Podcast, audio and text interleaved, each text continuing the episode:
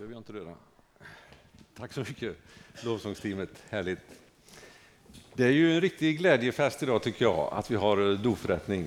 Vi sa just det att det är ju inte varje söndag som vi har haft det de sista åren. Och det känns väldigt skoj att ni har fattat det här beslutet. Och jag vet själv för egen del, det är alltså några år sedan som jag döptes. Det var i gamla Sion här nere. 75 var det. Så det är några år sedan, den som kan räkna. Men det fungerar och det är härligt.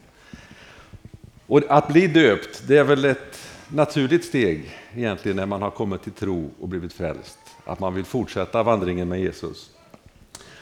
Och det vi kanske först tänker på när vi tänker på dopet, det är kanske från Matteus 28, missionsbefallningen som vi säger, att vi ska gå ut och döpa människor och göra dem till lärjungar. Och då kan man väl säga att det är den sanna starten på lärjungaskapet, när man får döpas in. Och man behöver ju inte vara fullärd på något sätt eller förstå vad det handlar om, utan det är egentligen där det börjar, för att sen bli lärjung och sen få lära sig mer. För handlar det om kunskap, att man skulle förstå vad dopet innebär och vad den kristna tron innebär fullt ut, då vet jag inte om det är någon här inne som skulle kunna förstå det och bli döpt. Inte jag i alla fall. Jag känner att det finns mycket som jag inte förstår, utan man får vila i tro att så här är det.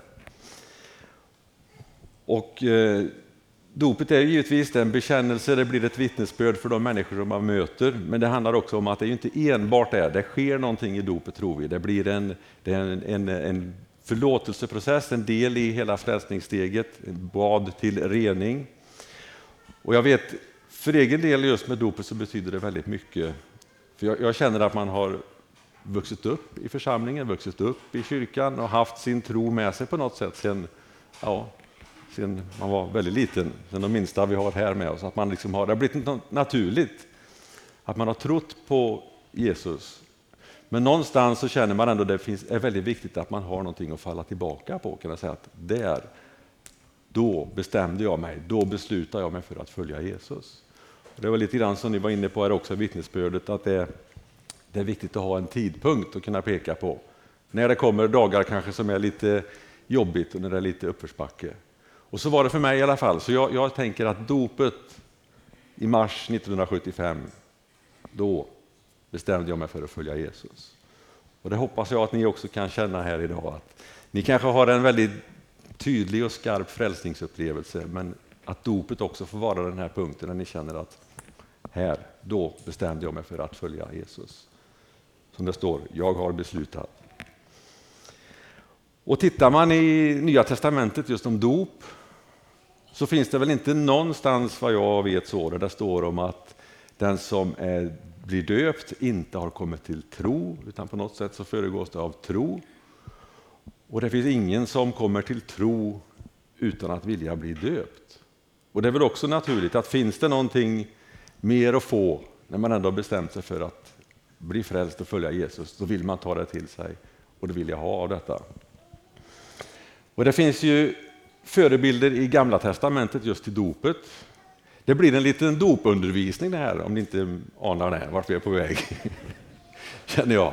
jag. Jag satt och funderade på, när hörde vi en ja, predikan eller förkunnelse om dopet senast? Här? Jag vet inte, det var nog jag vet inte riktigt när. Vi, vi nämner det då och då, men ingen riktig... Så nu börjar vi i Gamla Testamentet, va? så vi har dagen på oss. Men eh, lite grann så, för jag tror ändå det finns hemligheter, kanske man kan uttrycka det, i dopet som inte riktigt ändå ja, förstår kommer vi inte göra som jag sa, så jag inte säga emot mig själv här, men ändå att det finns mer att hämta i detta och mer kraft att få om vi väljer att verkligen leva i dopet och vad det innebär sen. Prästerskapet, leviterna, man blev tvättade och badade, man blev renad genom detta och man fick även ta del av med offer och blod som vi läser om i Gamla Testamentet, men även att man fick smörjelseolja hälld eller gjuten över sig, vilket idag då motsvarar den heliga Andes kraft. Och när man hade genomgått det, då var man redo att gå in i tjänst och tjäna Herren. Vi har Noa och arken som också sägs vara en, en bild av det här med dopet. Eh, Mose och Israel som gick genom Döda havet. Och det är ju tycker jag, en väldigt talande och väldigt bra bild. För med begränsat förstånd så är det i alla fall någonting man kan se framför sig och ta tag i och på något sätt få hänga upp sitt dop på ändå. Och I första Korintierbrevet 10 så står det att de blev alla döpta till molnskyn och havet till gemenskap med Mose. Och alla åt de samma andliga mat och alla drack de samma andliga dryck. De drack ur en andlig klippa som följde dem och den klippan var Kristus. Det handlar mycket om att alla gemenskap och att man får leva och vandra med Kristus som det står här. Och det gäller ju inte minst oss idag. Och Det blir en väldigt tydlig bild tycker jag, att man lägger någonting bakom sig. De hade varit slavar och suttit fast och var nu befriade från Egypten och från farao. Och Gud var med, de fick gå genom Döda havet. Och det vet vi hur det gick med farao och Herren när de var där nere. De blev översköljda av vattnet och de fick släppa greppet om israeliterna. Någon tydligare bild på vad man skulle kunna säga att dopet innebär, att man lägger något gammalt bakom sig, man blir renad i dopet och du går upp som en ny människa, nytt hopp och börjar vandringen med Gud, med Jesus, ledd av den helige Ande. Den bilden tycker jag är väldigt talande. Bibeln säger också att, som vi berörde här innan, att kommer du till tro så blir dopet en naturlig steg att gå vidare i. Och det är väl eh, ganska naturligt att vet man inte vad det handlar om, man har inte hört talas om vad det är, då är det svårt att förhålla sig till någonting. Så därför så är det bra, eller viktigt och nödvändigt att ha fått hört evangeliet, fått hört någonting om Jesus och vad det innebär för att ha kommit till tro och sedan blir man döpt. I Romarbrevet så står det att tron kommer av predikan och predikan av Kristi ord. Alltså det man har hört bör också på något sätt vara förankrat i bibelordet, det glada evangeliet som vi får ta till oss. Och då är det lätt att komma till tro och då följer man vidare. Och det gäller idag för alla här. Och jag vet inte, men kanske att det finns någon här idag som inte tror, inte har bestämt sig för detta och inte riktigt vet vem är Jesus. Då skulle jag i alla fall vilja säga till dig att mitt vittnesbörd i detta det är att jag tror på det som står i Bibeln. Och där står det att Jesus kom hit ner, han är Guds son, han dog på ett kors, han uppstod, han finns idag i himlen, sitter intill Gud. Och dit tror jag att när jag dör så får jag flytta hem till himlen. Om inte det är så att Jesus kommer tillbaka och hämtar oss hem innan jag dör av åldersskäl. Det kan vara en utväg också, för jag tror nämligen på att Jesus kommer tillbaka och hämtar de som tror på honom hem till himlen. Och jag tror att den tiden vi lever i nu, vi lever ganska nära den tiden tror jag.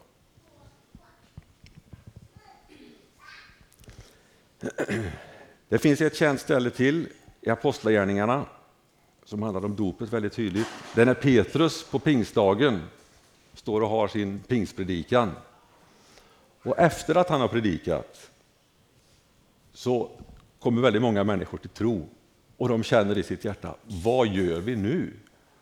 Och jag tror nästan jag kan ana i alla fall, känna lite, lite grann av vad de kände i sitt hjärta. vet när man, man längtar efter någonting och man känner att det här vill jag ha, det gör nästan ont inombords. Men hur gör jag då? Vad gör jag? De frågar, vad ska vi göra? Och Petrus och lärjungarna bara säger, omvänd er och låt döpa er. Svårare än så är det inte. Tro på Jesus och låt döpa er och följ honom. Och så enkelt tror jag det får vara. Med munnens bekännelse och hjärtats tro. Man frälst och så får man bli döpt. Och jag vet när eh, Sofia, innan hon döptes, eh, vi satt hemma, det var någon kväll tror jag, jag satt i sängen där och läste mm, natt, ja, godnattbön och lite bibel. Och hon, hon konstaterade, jag vet inte hur vi kom in på det riktigt, men hon konstaterade, men jag tror ju på Jesus, då kan jag ju bli döpt. Ja, svårare än så är det inte. Jag tror på Jesus, jag vill följa honom, då kan jag bli döpt. Och vi tror ju på att dop och vårt dopsätt, det gör man genom en, att man blir helt nedsänkt i vattnet. Det tycker vi är den bibliska modellen, att det handlar om det. Det finns flera bibelställen om det, men bland annat i Apostlagärningarna 8 och 38. Då Filippus har blivit av anden ledd ut på en öde väg, bara det är stort att gå ut och ställa sig någonstans där det är öde. Då kommer det en, en hovman åkande där och läser Bibeln. Han förstår inte vad han läser.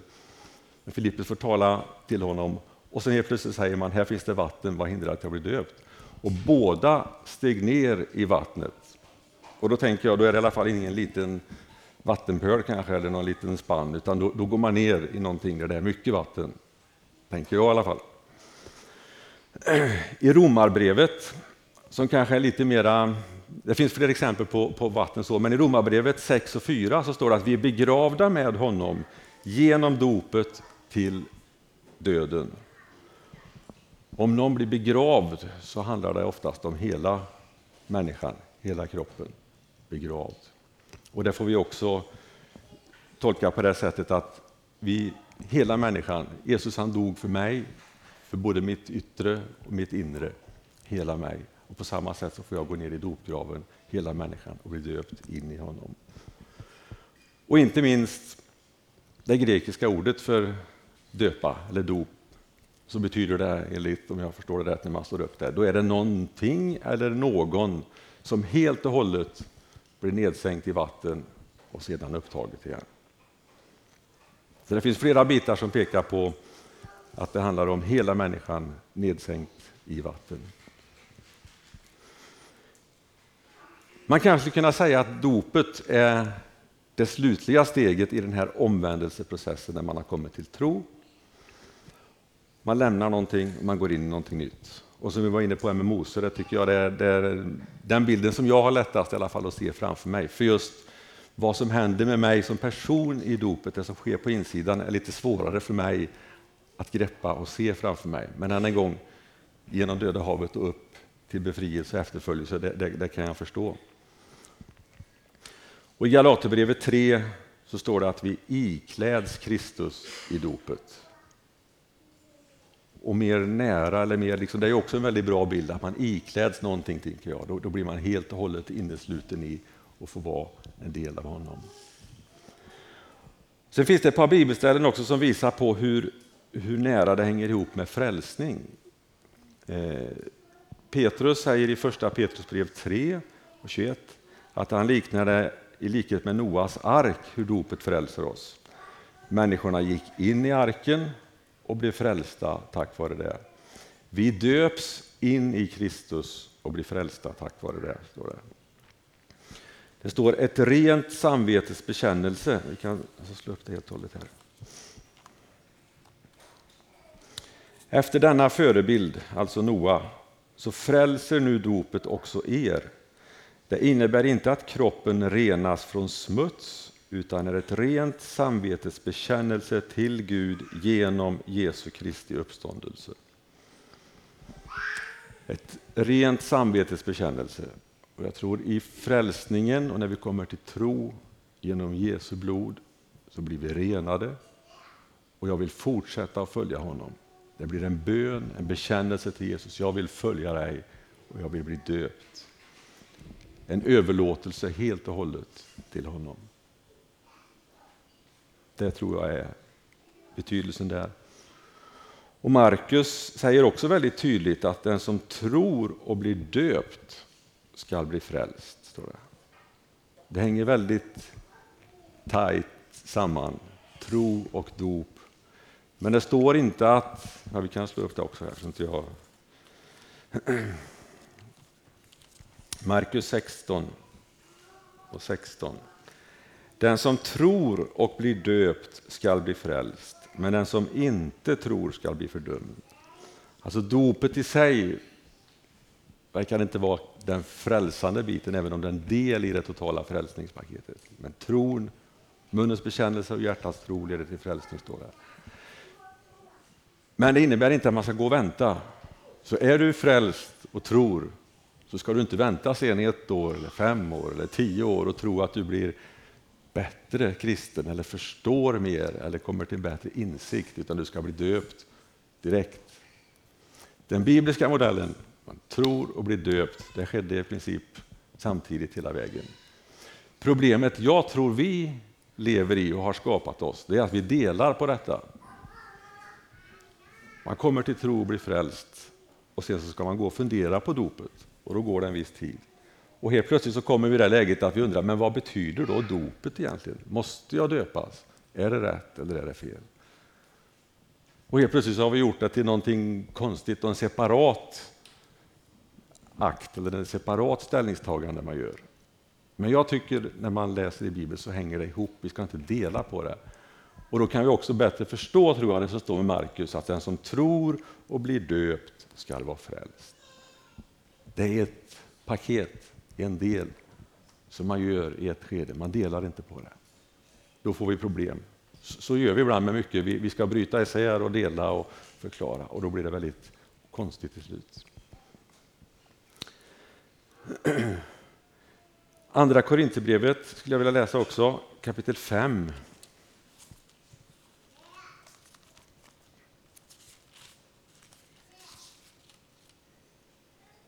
Vers 17. Om någon är i Kristus är han alltså en ny skapelse. Det gamla är förbi och något nytt har kommit. För döpta in i Kristus, om vi är i honom så är vi alltså en ny skapelse. Och då tänker jag också på ja, dels mig själv men även du som kanske sitter och funderar. Du kanske har gjort vad vet jag, dumheter eller saker som du skäms för eller tycker känns jobbigt att gå och bära på. Men i dopet, i den reningen och när du går in i Kristus får du lämna allt det gamla, allt det dåliga, allt det du kanske tycker är jobbigt. Det får du lägga bakom dig. För det är ingenting som Gud håller dig skyldig för efter det. Utan du blir en ny skapelse i honom. Och I Titus står det att han frälste oss genom ett bad till födelse och förnyelse i den heliga Ande. Ett bad till födelse. Alltså oavsett vad det är vi går och bär på när vi går ner i dopgraven så får vi lägga det bakom oss. Det är någonting nytt, någonting nytt att bygga på. Och det är som vanligt med, med Gud. Han, han, har möjlighet att skapa nytt. Det är precis som vi kan läsa om med, när han sitter och drejar och gör en lerkärl och det blir misslyckat. Så börjar han om skapa någonting nytt. Och du får bli en ny skapelse i dopet. Också att man får mer kraft av den helige Ande i dopet. Man får uppleva påfyllning och ett nytt steg in med den helige Ande. De det stod där. Förnyelse i den helige Ande. Så när vi döps så döps vi alltså in i Kristi kropp, vilket också innebär att vi döps in i församlingsgemenskapen. Döps in i församlingen. För församlingen är Kristi kropp, tror vi. Vi är lemmar i den kroppen. Och vägen dit är genom dopet. Och det är ingen vanligt medlemskap som i någon förening eller klubb eller något som vi kan vara med i, utan det här är någonting helt annat. Det är en levande gemenskap med Jesus själv, med Kristus. Det är viktigaste och det primära. I en lokal församling är det bibliskt att man är förankrad och är delaktig och med, betjänar och blir betjänad med de gåvor och det som Gud har lagt i ditt liv. Vi får hjälpa varandra. Givetvis blir man en del även i den globala församlingen, så att säga. men det är svårt att känna riktig närvaro och kontakt med de som bor flera hundra mil bort kanske, utan det är, det är ändå i det lokala, i närheten där man bor, som man får vara med och hjälpa varandra, stötta varandra, sprida glädje och vittna. När Jesus döptes så står det att han fick ta emot Andens kraft. Och det var innan han gick ut i öknen och blev frestad sen. Så fick han bli döpt och fick ta emot Andens kraft. Sen gick han in i tjänst. Och tittar man i Apostlagärningarna på flera ställen där så står det väldigt tydligt och hur noga de verkar vara med att när du hade kommit till tro och blivit döpt så la man också händerna på dem som hade blivit döpta och bad att de skulle få uppleva den helige Andes kraft och bli andedöpta. Och det sker också på flera ställen. ställen. Och många gånger visade det sig som så att de fick tala i tungor och börja profetera. Det skedde i detta.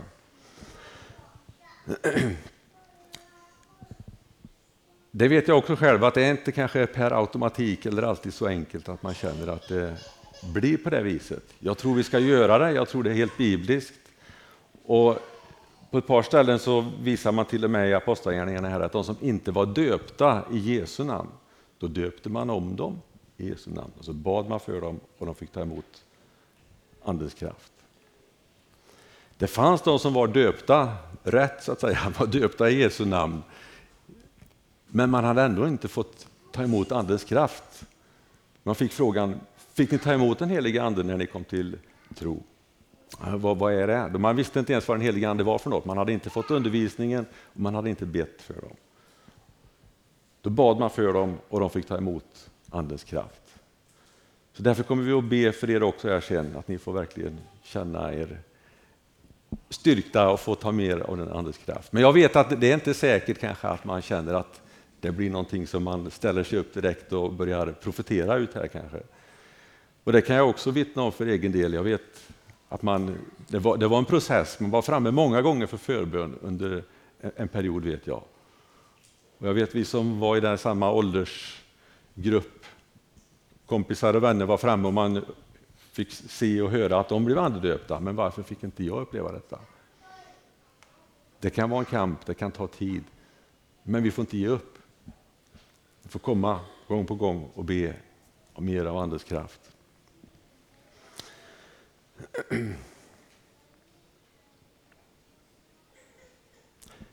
Vill man följa Jesus och vill man vara lärjunge så får det konsekvenser i ens liv. Då vill man ändå på något sätt göra det som man tror Gud vill med ens liv. Man vill leva i hans vilja. Och då tror jag, precis som vi sa tidigare också, att både en frälsningsupplevelse och eller vid dopet, att det får vara sådana här hållpunkter som man kan falla tillbaka på och känna att längre än så faller jag inte, utan där blir jag uppfångad av Jesus ändå och känner att det kan jag vila i. Det finns liksom ett, ett synligt vittnesbörd ändå. Det händer mycket på insidan som kan vara svårt att förhålla sig till ibland och det är mycket känslor och tankar som på något sätt bollar med ens eh, både hjärta och hjärna. Men här kan man falla tillbaka på och känna, längre än så, Gud, det kan jag inte falla, för där fångar du mig igen i så fall. Men det står i Kolosserbrevet 2 att vi ska leva i honom för att bli bevarad och leva i den välsignelsen, bland annat då som det innebär att få vara döpt och få leva i dopet. Och jag tror det är av största vikt att vi varje dag förnyas i detta, vi tar tid för bön, för bibelläsning. Vi får jobba på vår relation ändå. Och det vi läste tidigare om israeliterna när de gick igenom vattnet där. I samma stycke så säger Paulus även att han, han tar dem som ett, ett varnande tecken eller ett, en varningssignal. Att trots att de fick uppleva detta och komma ut befriade och vandra med honom så var det ändå människor sen som föll ifrån och tappade sin tro på Gud. Det stod att de varje dag fick dricka och hämta styrka i Kristus. Men det fanns de som valde att inte göra det och föll ifrån. Jag sa, ta det som ett varningstecken på att ni måste leva i Kristus. Lev nära honom varje dag.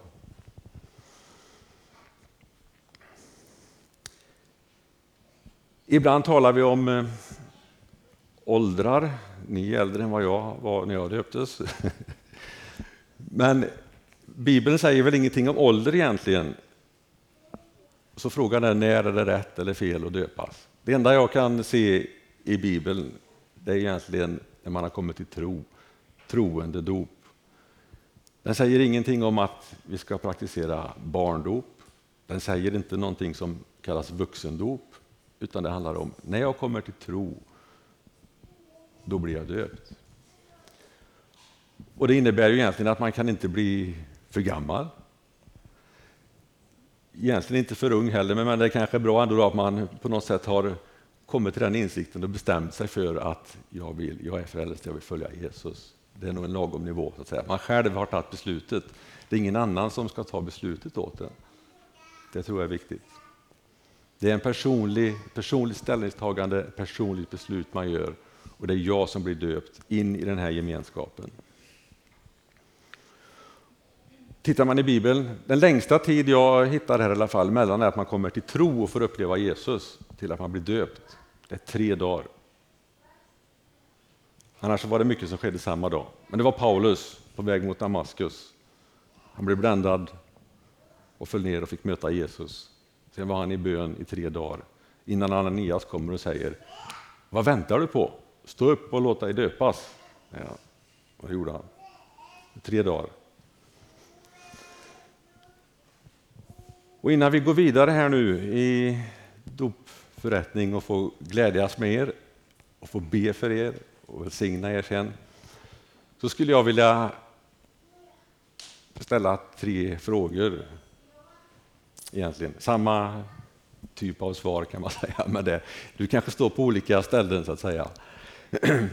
Du kanske finns här idag som är troende och känner ja, men jag är frälst, jag tror på Jesus. Ja, men du kanske inte är döpt. Då säger jag att du behöver inte vänta tills du förstår, eller så. Bibeln är väldigt tydlig med det. Ja. Kom gärna fram efter det här och prata med mig eller någon så ska vi se. Vi tar inte bort vattnet eller tummen inte ur det idag, utan det finns fler tillfällen så kan vi få prata igenom detta. Och är du inte frälst, alltså du känner jag, jag tror nog inte riktigt, jag har inte den här upprättade relationen eller har rätt läge så att säga till Jesus. Och kanske då är det svårt kanske att bli döpt. Men kom fram här sen efter i samband med förbönstunden så får vi be för dig. Vi får förklara mer. Det innebär inte att du ska förstå allting vad det är jag har stått och sagt här. Det finns säkert mycket som kunde sagts bättre och tydligare. Men Gud ser till ditt hjärta. Han ser ändå att det finns någonting här som han behöver jobba med. Du behöver inte vara färdig och förstå allt. Det får ta tid. Men ställ frågor och låt oss få be för dig och med dig. Så att du kan få bli frälst, som vi kallar det. Och sist men inte minst, att leva i den här vandringen varje dag kräver kraft och det kräver närhet. Och du som känner att jag är både frälst och döpt och har det bra egentligen, men jag skulle vilja ha mer av andens kraft. Jag skulle vilja verkligen känna andedopets kraft, få tala kanske i tungor, få utveckla de gåvor där Gud har lagt i mitt hjärta. Kom fram du också här sen så får vi be för dig. För det kan ta tid, men man får komma många gånger till Gud. Och verkligen känna att när hjärtat är helt öppet och helt rätt där, då, då tror jag då gör Gud någonting. Han ser till ett längtande hjärta. Han har gett gåvan. Vi läser om det Välkommen också du fram sen i förbönstunden så vi får be för dig om även det. Du får uppleva mer av den heliga Andes kraft. Fader, så tackar jag dig för att du har sett oss den här förmiddagen hittills. Herre. Jag tackar dig för att vi får vara inför ditt ansikte, Herre. Vi får komma hit i tro på dig, Herre. Vi får känna, Herre, att du älskar oss, Herre, och du vill röra vid våra hjärtan, Herre. Jag tackar dig för att du är den som låter dig finnas, Herre. Att när vi söker dig av hela vårt hjärta, Herre, när vi kommer inför dig och säger att vi förstår inte, men vi vill någonting mer av dig, Herre. Då tackar jag dig för att du vill möta oss, Herre, och du vill verkligen ta dig an oss, här och du vill verkligen krama om oss, här och låta oss få känna i våra hjärtan, här hur mycket du älskar oss, Herre. Jag tackar dig för att du älskar oss alla här inne lika mycket, Herre, oavsett vilken relation vi har till dig, Herre. Oavsett om vi säger att nej, jag tror inte på dig, eller ja, jag tror på dig, Herre, så älskar du oss lika mycket, Herre. För du har skapat oss, Herre, och du är vår far, Herre. Och du vill att vi ska få vandra nära dig. Du vill att vi ska få känna den här välsignelsen i våra liv varje dag, Jesus. Jag tackar dig Herre för att du möter var och en som finns här inne nu Herre. Och jag vill särskilt be för Louise och, och till det här nu Herre, att du verkligen kramar om dem Herre. De får känna kraften på insidan i sina hjärtan Herre. De får känna den här glädjen Herre som tar sig uttryck i att man knappt kan uttrycka sig Herre, utan att vi får känna bara hur du rör vid dem nu Jesus. Tack Herre att vi får vara inför ditt ansikte, vi får lovsjunga dig och vi får tillbedja dig Herre. Och jag ber att du rör vid hjärtan den här stunden nu Jesus. Amen. Amen.